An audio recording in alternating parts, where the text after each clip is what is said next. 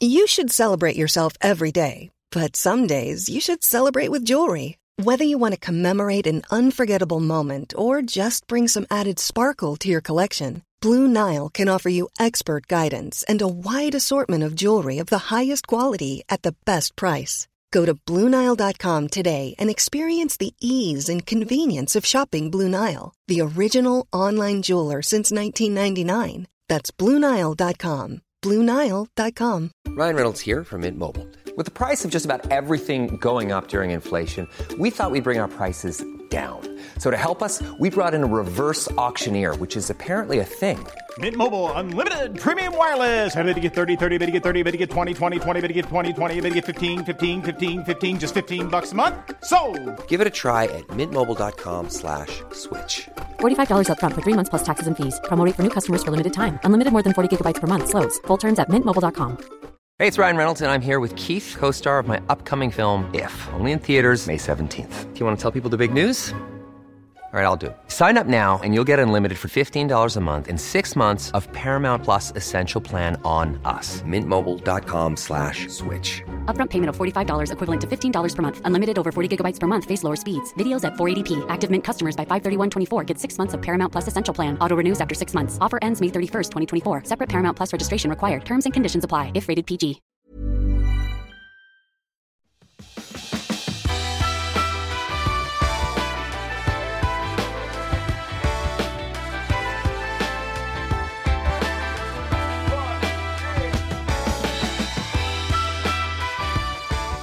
Hej och varmt välkommen till Klimakteriepodden med mig, Åsa Melin där jag strax möter gynekolog Sara Neidet. Vi ska få svar på otroligt många bra frågor som är återkommande från er lyssnare. Det här är ett väldigt bra övergripande avsnitt så om du vill introducera någon till att förstå klimakteriet lite bättre så kanske det är här man kan börja. Men även du med djupare kunskap kommer få klarhet och svar till många funderingar som, ja, till exempel hur man vet att man är i klimakteriet, hur det känns efteråt, hur påverkar antidepressiv medicinering hormonbehandling och vad hjälper mot vad och när. Och vi ska också tala om sexlust och testosteron. Är det den nya lilla svarta höll jag på att säga, det var inte så jag menade. Men är testosteron lösningen till alla våra problem? Eller? Och hur blir klimakteriet om man genomgått sterilisering eller fertilitetsbehandling tidigare i livet? Alltså ett avsnitt om vårt kvinnoliv med en otroligt kunnig och engagerad gynekolog. Så välkommen att lära genom att lyssna.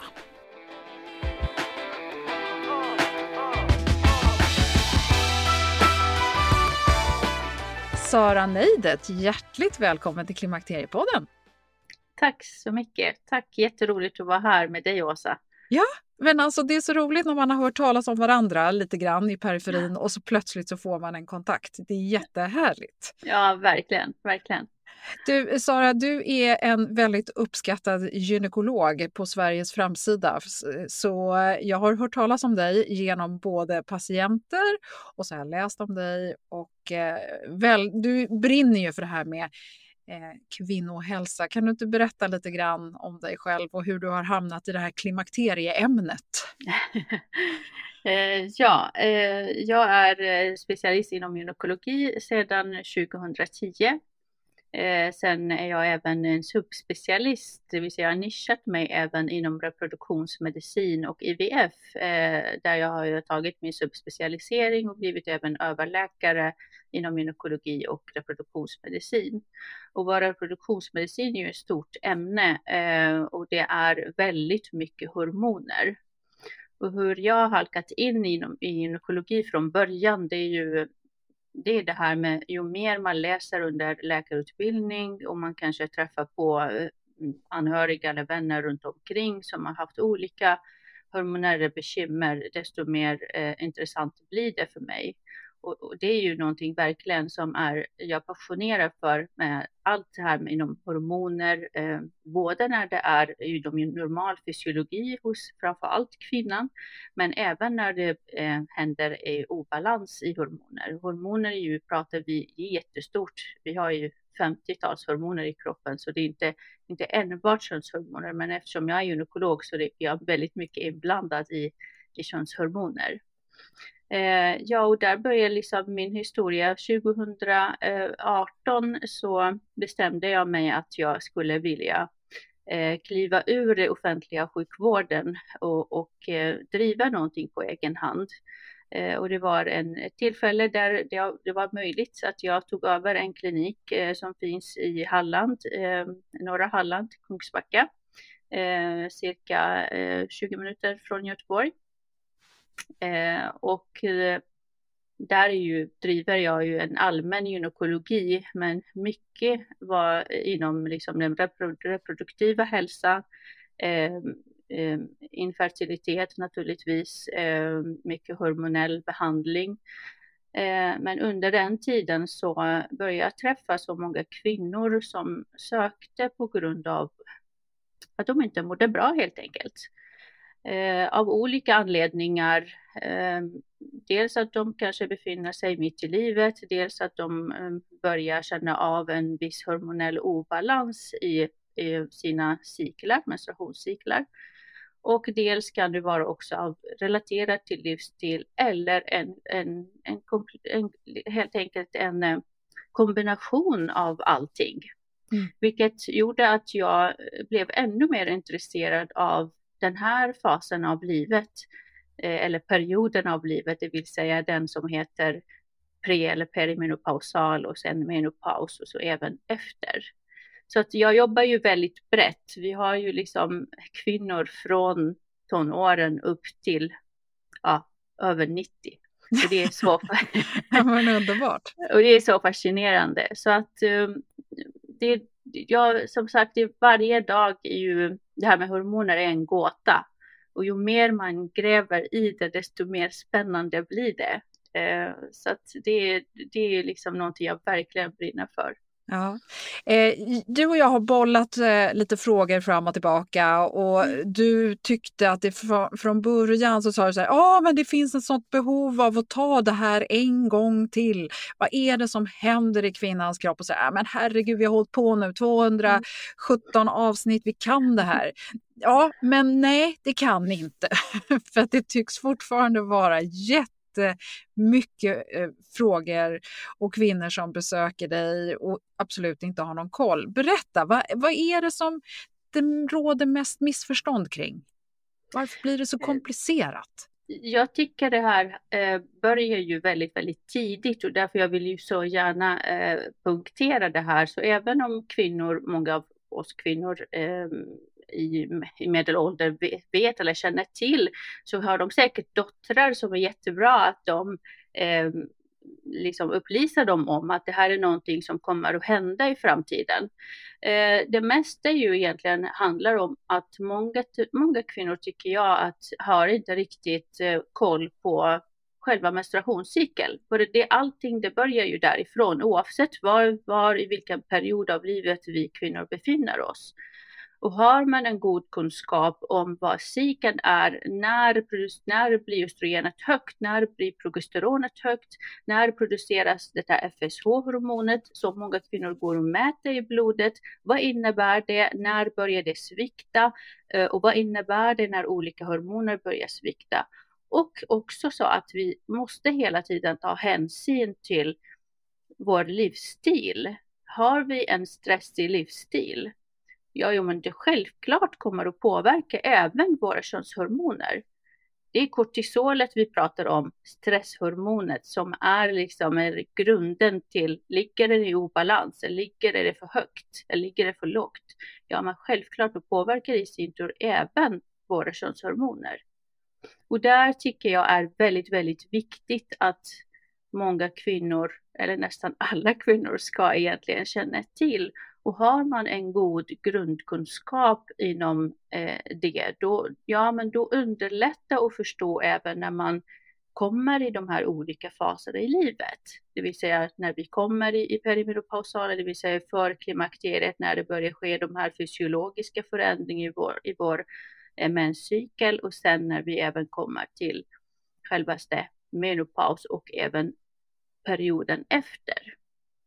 Och vilka, om vi skulle plocka ut ett par bitar där du tycker att det råder mest missförstånd eller mest okunskap, vad skulle det kunna vara?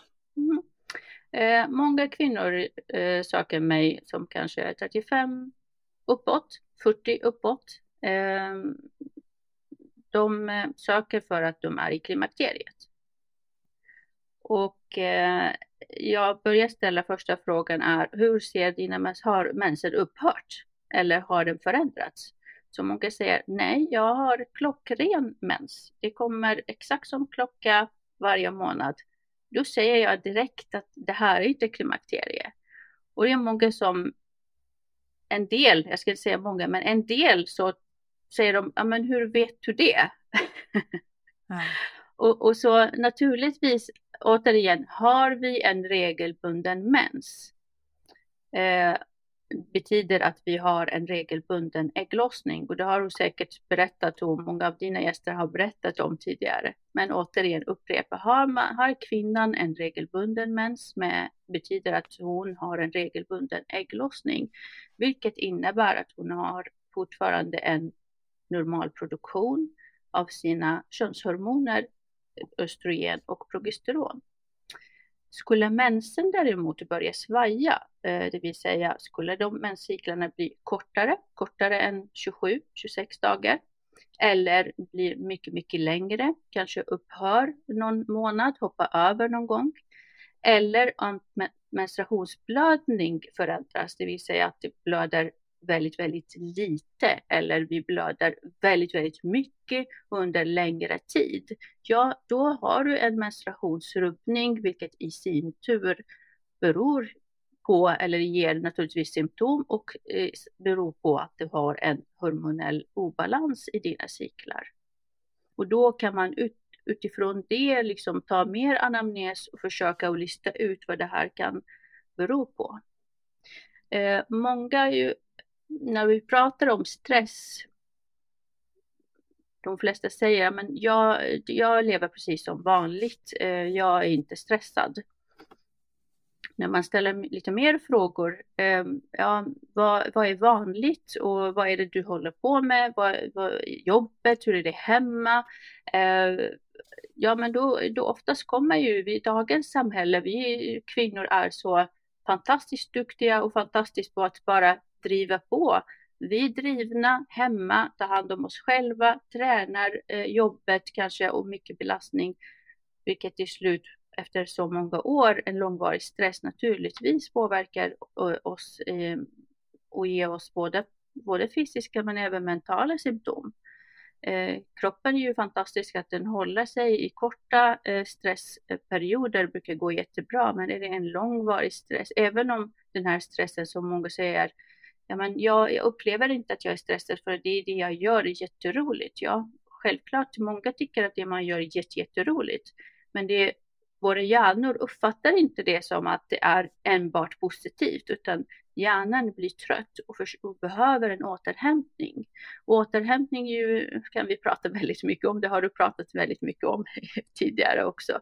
Eh, och det, det, är ju så viktigt att vår hjärna får den här återhämtningen för att i sin tur hela kroppen ska komma till sin rätta, att, att hela kroppen och vi ska vara i, i harmoni och balans helt enkelt nu nämnde du det här med att man tror att man är i klimakteriet innan man faktiskt är det. Om man då har hamnat i den här svajiga perioden som du nu precis nämnde som faktiskt indikerar att man inte har regelbunden ägglossning. Skulle du vilja säga att de kvinnorna är i klimakteriet eller vill du så att säga ta det ur dem? För att min uppfattning är ju någonstans att i den här första fasen så går det att ställa saker till rätta igen. Alltså när du väl har passerat menopaus, när du har slutat blöda, när det är ett faktum, mm. då kan du inte liksom få fart på grejerna eh, hur som helst igen. Men i det här första skedet när det börjar svaja, eh, vad, vad tycker du om det? Vad säger du där?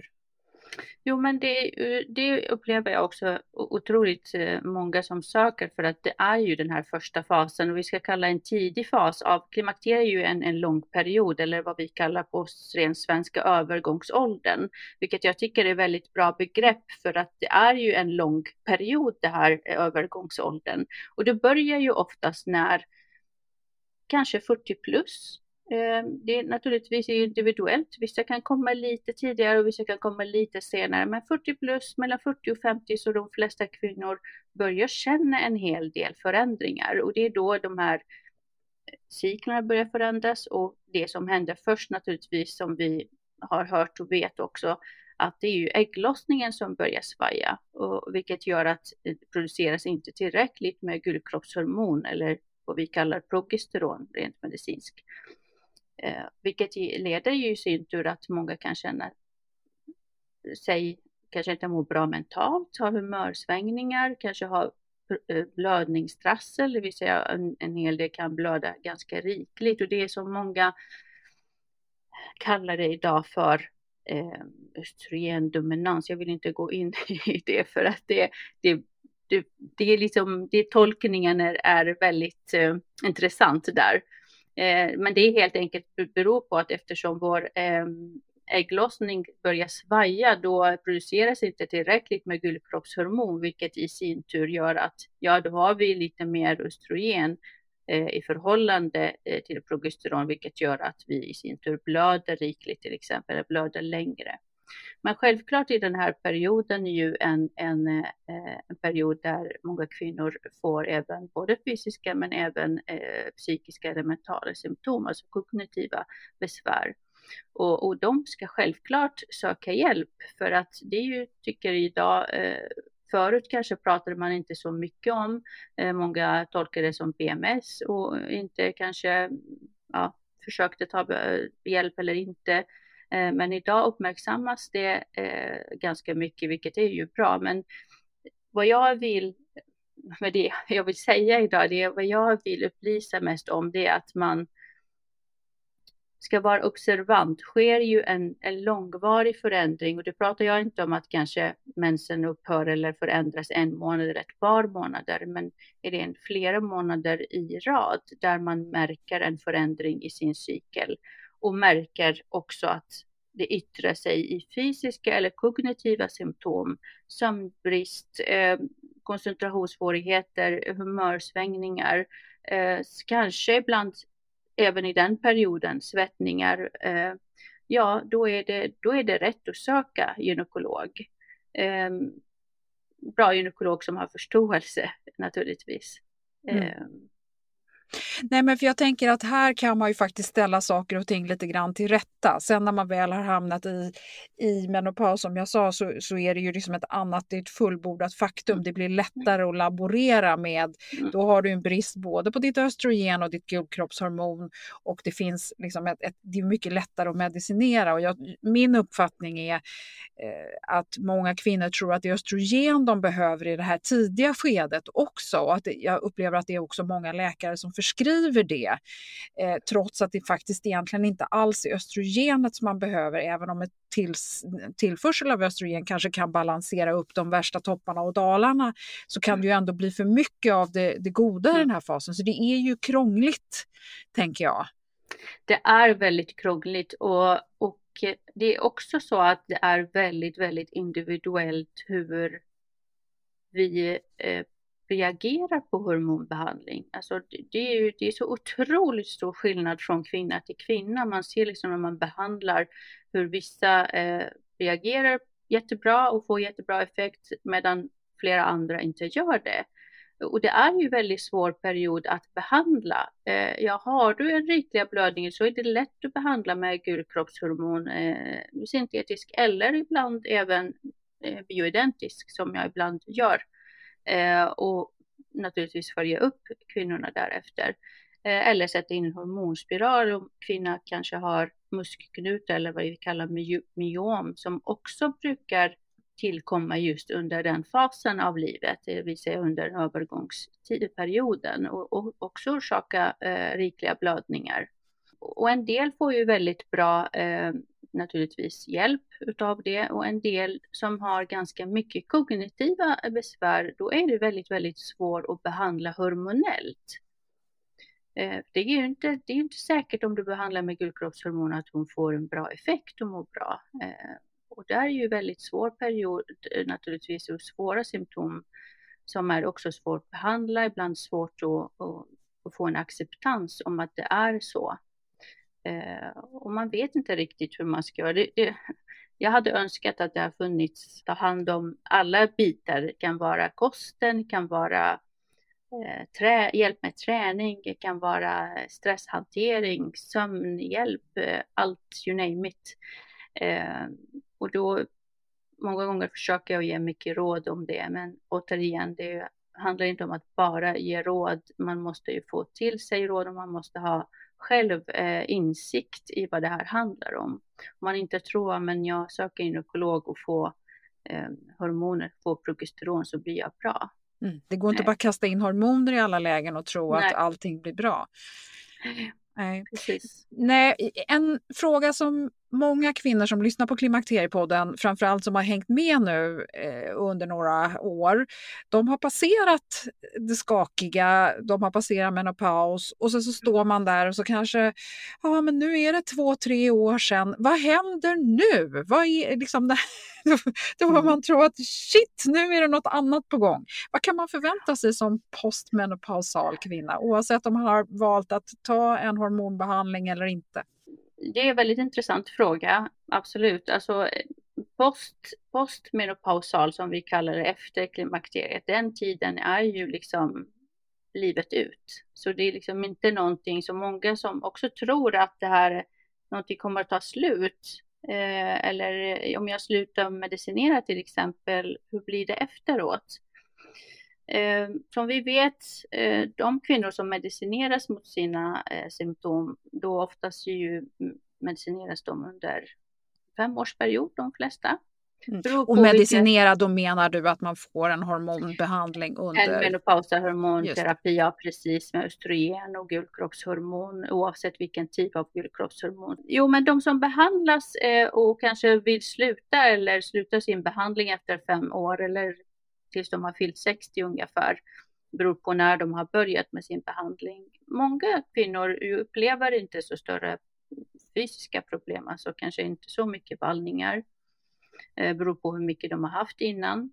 Det enda som eh, kvarstår och väldigt, väldigt viktigt att man verkligen behandlar livet ut, det är ju sköra slemhinnor, alltså vaginala slemhinnor som fortsätter liksom att bli atrofierade, det vill säga sköra. Mm.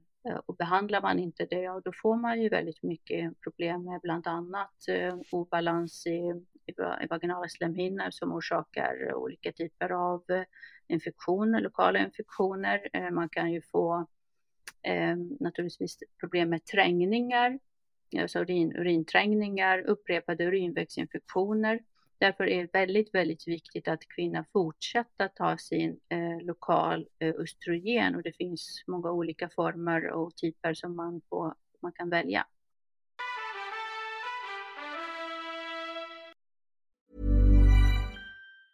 There's never been a faster or easier way to start your weight loss journey than with PlushCare. PlushCare accepts most insurance plans and gives you online access to board-certified physicians who can prescribe FDA-approved weight loss medications like Wigovi and Zepbound for those who qualify. Take charge of your health and speak with a board-certified physician about a weight loss plan that's right for you. Get started today at plushcare.com slash weight loss. That's plushcare.com slash weight loss. plushcare.com slash weight loss. Mom deserves the best, and there's no better place to shop for Mother's Day than Whole Foods Market. They're your destination for unbeatable savings, from premium gifts to show-stopping flowers and irresistible desserts. Start by saving 33% with Prime on all body care and candles. Then get a 15-stem bunch of tulips for just $9.99 each with Prime. Round out Mom's menu with festive rosé, irresistible berry chantilly cake, and more special treats. Come celebrate Mother's Day at Whole Foods Market. Many of us have those stubborn pounds that seem impossible to lose, no matter how good we eat or how hard we work out. My solution is PlushCare. PlushCare is a leading telehealth provider with doctors who are there for you day and night to partner with you in your weight loss journey. They can prescribe FDA-approved weight loss medications like Wagovi and Zepbound for those who qualify. Plus, they accept most insurance plans. To get started, visit plushcare.com slash weight loss. That's plushcare.com slash weight loss.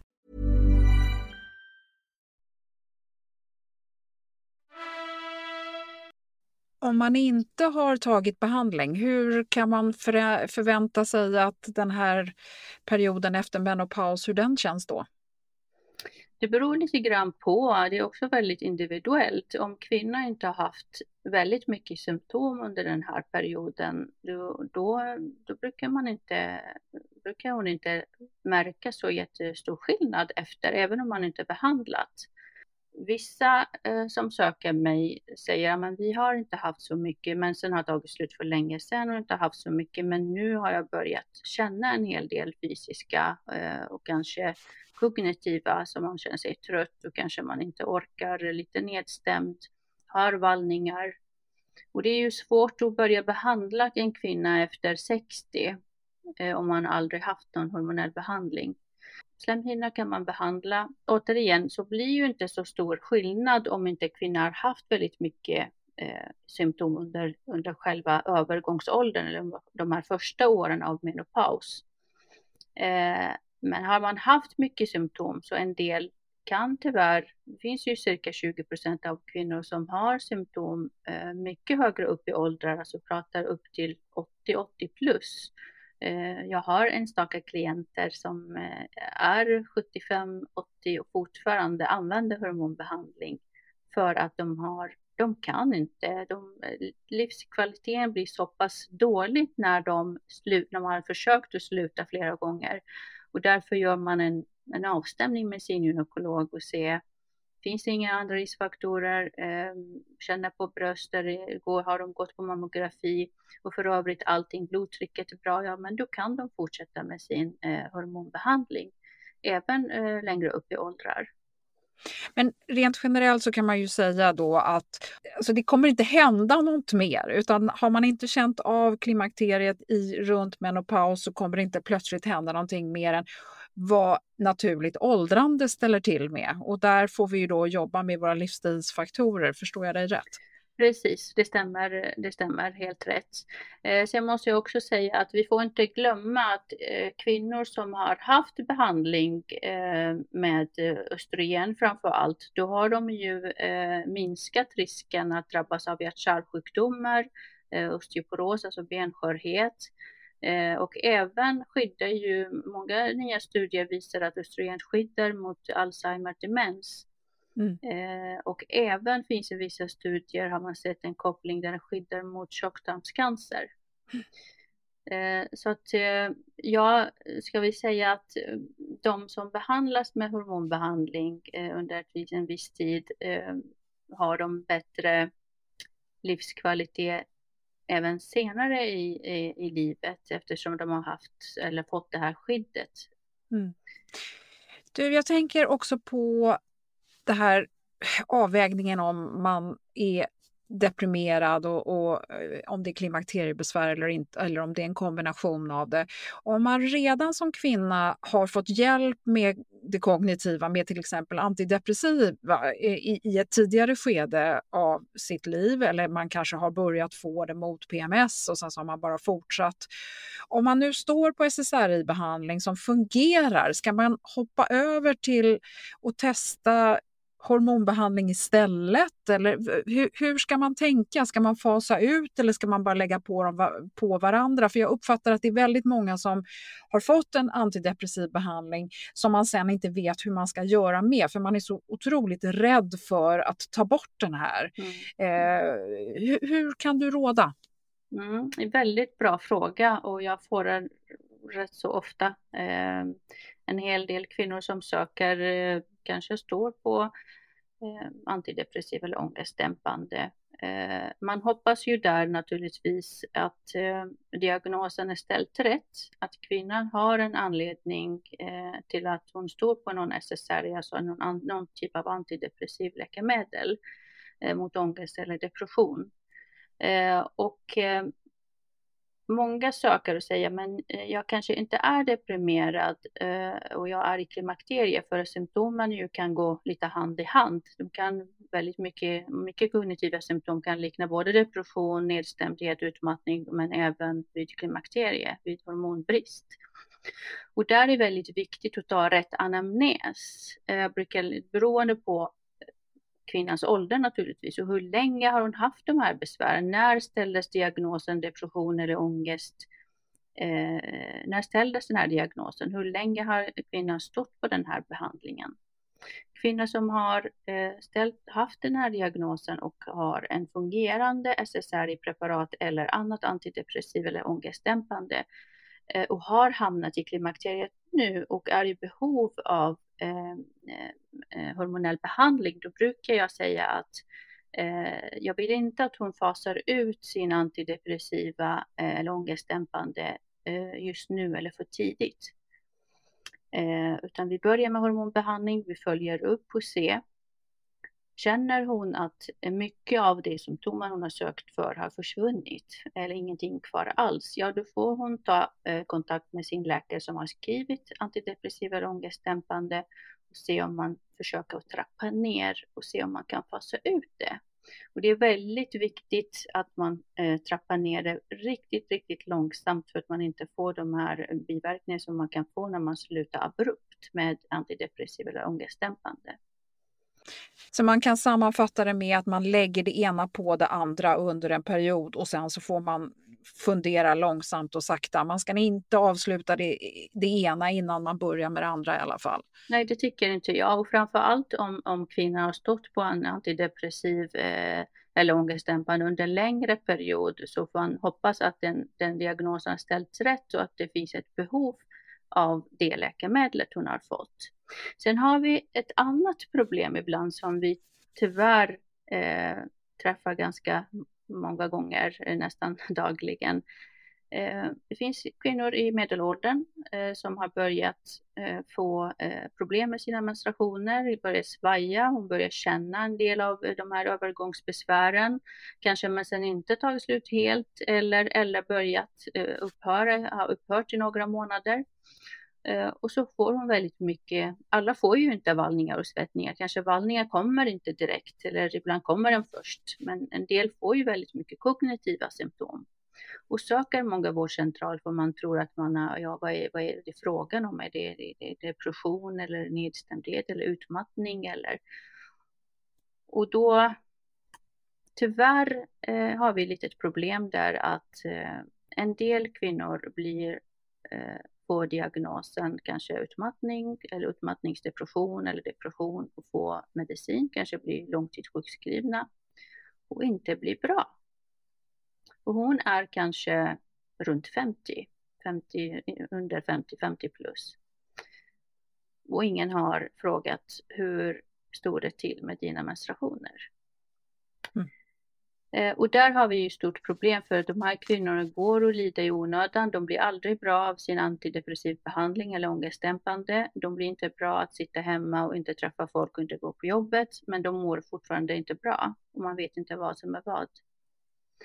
Är du där som hör det här, någon kvinna, alla kvinnor som hör detta, eh, känner du igen det här så ska du söka en gynekolog. Mm.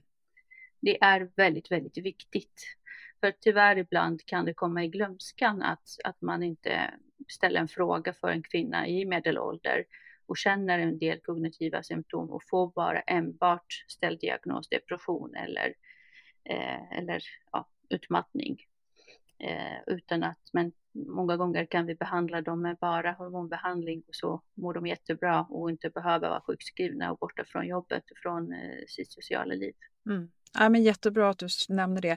Jag passar på att sticka in där också. Jag hade så sent som igår samtal med en kvinna som eh, misstänkte att hon, hon, definitivt skulle må bra på östrogen och så vidare. Men hon liksom lyfte inte med det kognitiva i alla fall. Hon kände sig fortfarande energilös och trött. Och, ja, och då visar det sig så småningom att hon, trots att hon tar B-komplex, att hon inte kan ta upp sin B12 för hon har då något enzym i kroppen som gör att hon måste få injektioner med B12 för att det överhuvudtaget ska gå i kroppen. Och läser man på B12-brist så är det ju precis de här, liksom, samma symptom egentligen som sköldkörtel, eh, rubbningar, eh, som järnbrist, som klimakteriebesvär. Alltså det är ju viktigt att reda ut vad som är vad och även om man liksom har gått på en behandling tidigare så, som kanske har fungerat delvis eller, men inte fungerar längre att man vågar faktiskt reda ut det här. Att man vågar vara lite påstridig, både på vårdcentralen och kanske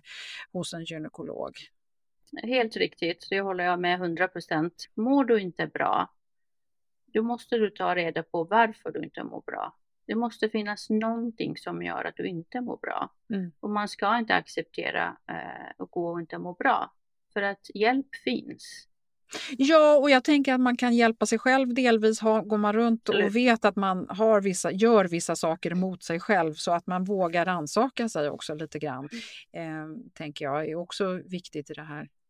Självklart, och det här är återigen med självinsikt. Man måste ha insikt i, ja men har jag väldigt mycket stress så måste jag jobba med det först. Eh, äter jag fel, ja men då är det viktigt att jag börjar äta rätt. Eh, tränar jag, hur, hur tränar jag, hur sover jag? Eh, det är väldigt viktigt så att man måste först börja därifrån. Eh, och, och har du gjort alla dessa åtgärder eh, själv och inte lett till någon förbättring eller ingenting alls, då, då måste man söka vidare. Mm. Du Sara, du tycker att vi ska prata om sexlust och du tycker... Du sitter i ditt sovrum så att det passar ja, väl det, bra? Det, det passar jättebra. Nej men skämt åsido, jag ska inte alls eh, så. Men eh, det är ju väldigt intressant att det finns så många olika infallsvinklar på det här. Vi har pratat om det i podden om och om igen. Och de här, av någon anledning så är det inte så många, alltså det är inte jättemånga som lyssnar på de avsnitten upplever jag. För det är lite bökigt att ta tag i det här med sexlusten. Ja. Och på sista tiden så har det då flammat upp väldigt mycket diskussioner i, i olika eh, forum på nätet om att testosteron, det kommer lösa allt. Kan vi ta det här? Ja, jättegärna. Eh, det är ju en jätte, jättebra fråga och varför jag vill också ta upp det för att det är ju i stort sett alla kvinnor som söker på grund av en någon slags hormonell rubbning eller obalans eller inte mår bra eh, ta upp det här. Och jag uppskattar och jag måste ju säga att det är ju, jag tar till mig att eh, alla kvinnor som öppnar sig så här och pra, börjar prata om sin sexlust eh, innebär att de ger det här, att jag har kunnat lyckas och ge förtroende. Och det är ju fantastiskt bra att man eh, kan prata om det eh, som inte alls så lätt för många. Eh, de nämner alltid det här att jag, eh, sexlusten är inte som eh, förr. Eh, och det kan ju vara kvinnor i olika åldrar, det behöver inte vara just eh, kvinnor i medelålder och i klimakteriefasen, utan det kan vara även yngre kvinnor.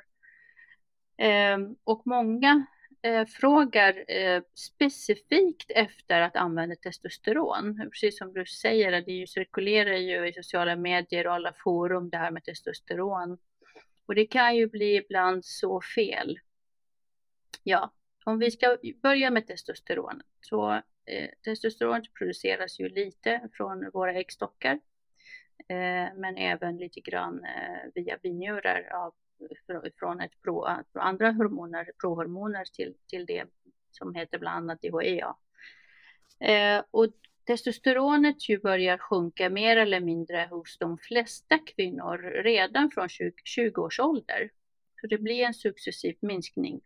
Detta innebär att eh, vi behandlar inte kvinnor i eh, 20-30 års ålder. Eh, kan hända ibland om det finns något sjukligt tillstånd naturligtvis, men vi behandlar inte alla med testosteron.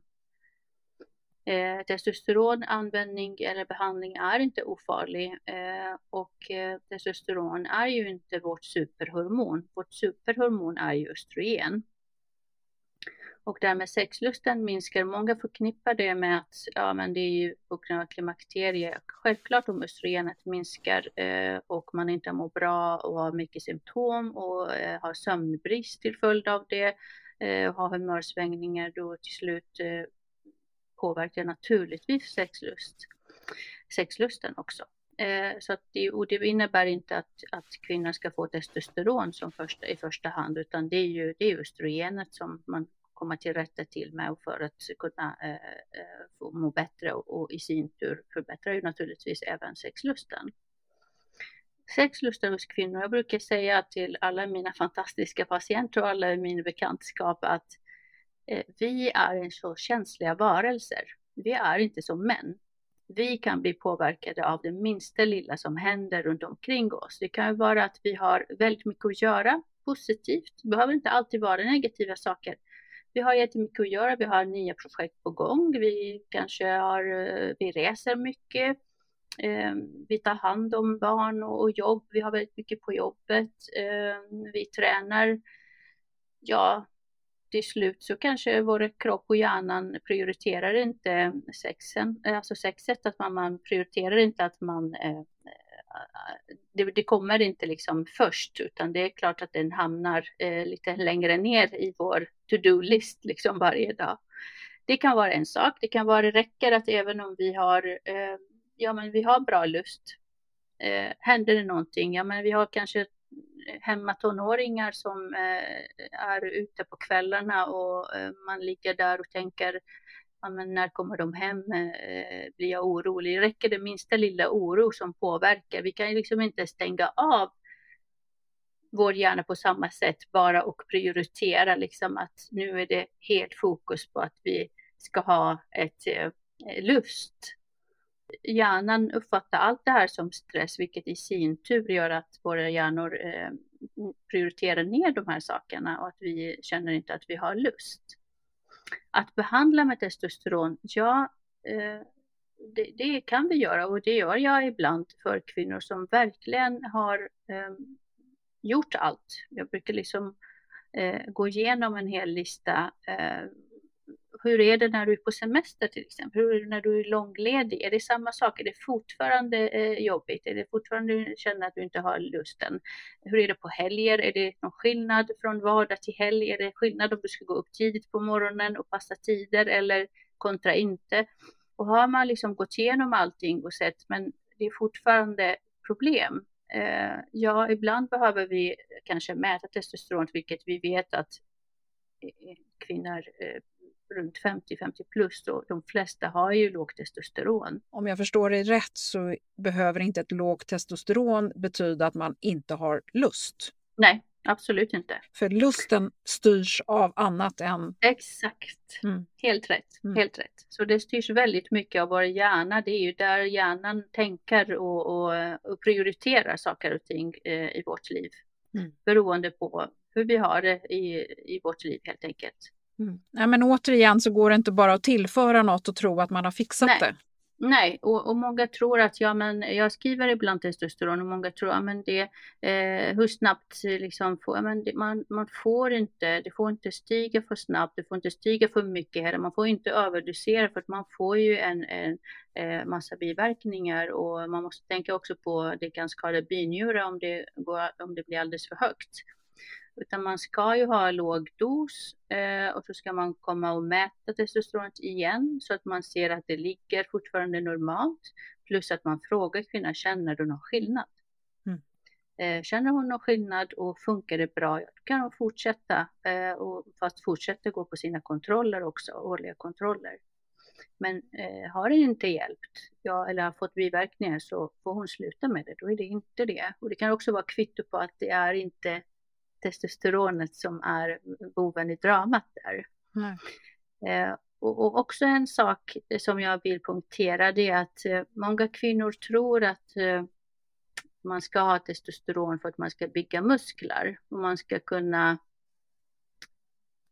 träna på gymmet och ha bra tålighet när man liksom eh, kör en högintensivt liksom, träning.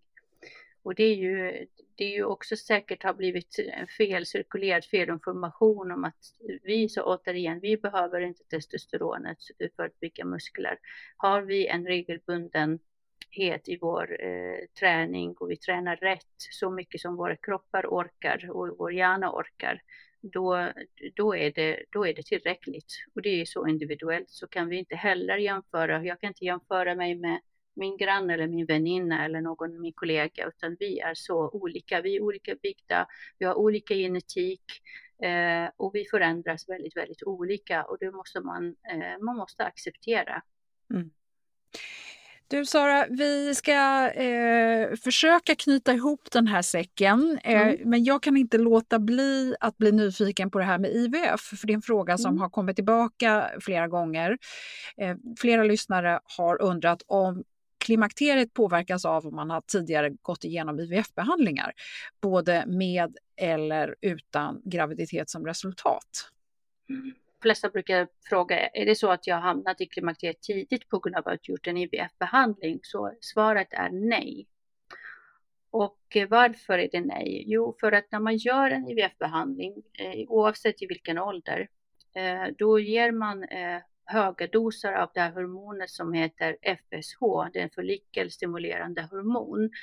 Eh, och man ger det i höga doser under IVF för att man vill eh, att fler av de här äggblåsorna i äggstockarna ska växa för att man ska kunna förhoppningsvis att de innehåller ägg för att man ska kunna plocka ut dem eh, inför IVF-behandlingen. Vi har ju normalt sett i våra menstruationscykler en stegring av FSH, men den är eh, ojämförbart lågt jämfört med de här med de här höga doser man ger under IVF för att under en vanlig cykel, under en vanlig ägglossning så eh, de flesta brukar ägglossa bara ett ägg, kanske max två ägg någon gång. Men vid IVF så ger man återigen höga doser för att man vill ju flera äggblåsor ska växa. Vilket innebär att de här, många av de här små, små äggblåsorna, eh, de hade annars gått förlorade. Eh, men när man har stimulerat med höga FSO så har man ju räddat dem. Eh, det innebär att eh, du som gör IVF, det är inte så att, man, att ditt äggreserv ska minska. Att den tar slut? Nej. Att det tar slut på grund Nej. av IVF eller, och att det resulterar i att du kommer i klimakteriet tidigt. Nej, det gör den inte. Oavsett om du blir gravid och föder barn eller inte. Du, en absolut sista fråga som är en lyssnarfråga som handlar om mm. sterilisering. Mm. Eh, då är det en kvinna som undrar om det blir andra effekter än att man så att säga knipsar mm. ledningen när det gäller just det här hormonella flödet i, i kroppen. Det ska inte påverka alls eh, för att eh, återigen man knipsar, det finns lite olika tekniker man gör. Den vanligaste är att man Eh, koagulerar, alltså man bränner eh, över eh, äggledaren och så en del enbart bränner och låter det vara, en del bränner och klipper den delen så att det blir en säker, att det inte blir någon passage i äggledaren. och den i sin tur påverkar inte alls varken sig cyklarna, alltså man har fortfarande normala ägglossningar och man har fortfarande menstruationer som vanligt. Och det påverkar inte heller att, det resulterar inte heller att kvinna hamnar i klimakteriet så tidigt. Eh, om man inte har gjort en större kirurgi naturligtvis och stört blodflödet till, till äggstockarna till exempel. Okej, okay. ja, men jättebra. Du eh, Sara, vad har vi missat här? Vad ska, behöver vi runda av med några kloka ord?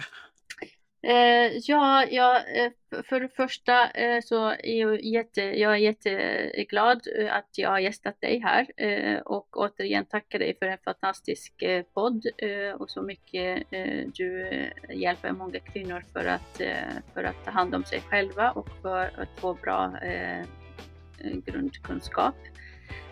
sen budskap till alla kvinnor, mår du inte bra så se till att du mår bra. Har du gjort alla förändringar som du kan göra själv och fortfarande inte mår bra, så sök hjälp. Vi hjälper gärna dig. Mm, fantastiskt. Sara, vilket, eh, vilket fint bidrag. Jag är jätteglad för att du ville komma till Klimakteriepodden och vi kan lägga till att Kvinnolivet heter din mottagning i Kungsbacka. Och eh, jag tycker att det är fantastiskt spännande att unga kvinnor vill ge sig in i det här och att vara påläst och eh, du brinner för det här. Så det är underbart att du också vill dela med dig och inte bara till dina patienter utan även till andra kvinnor. Så ett stort varmt tack för att du ville komma till Klimakteriepodden idag. Tack så mycket själv. Tack.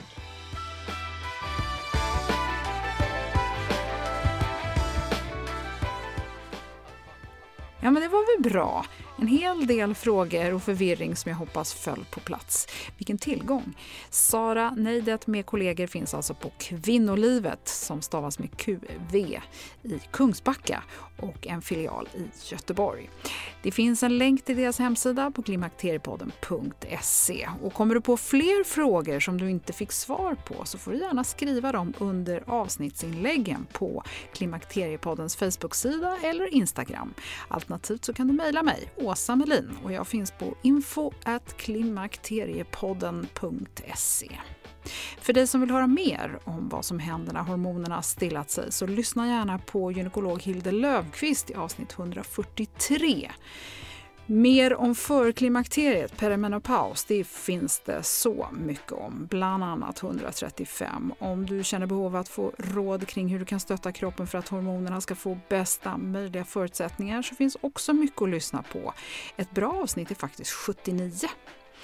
Använd sökfunktionen på hemsidan klimakteriepodden.se så blir det lite lättare att hitta och läsa om avsnitten. I nästa vecka så ska vi få ett sånt där härligt lite kortare avsnitt med tips från coachen. Och då kommer nämligen bästa Monica Björn tillbaka och vi ska få råd och tips kring återhämtning. Passande va? Stort tack för att du har lyssnat och varmt välkommen åter. Hej för nu!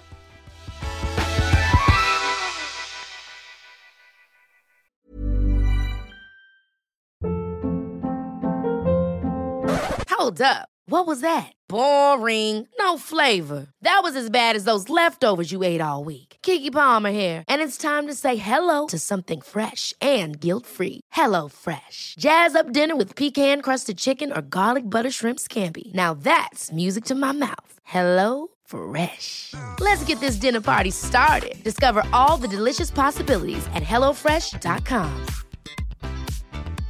Mom deserves the best, and there's no better place to shop for Mother's Day than Whole Foods Market. They're your destination for unbeatable savings, from premium gifts to show-stopping flowers and irresistible desserts. Start by saving 33% with Prime on all body care and candles. Then get a 15-stem bunch of tulips for just $9.99 each with Prime. Round out Mom's menu with festive rosé, irresistible berry chantilly cake, and more special treats. Come celebrate Mother's Day at Whole Foods Market.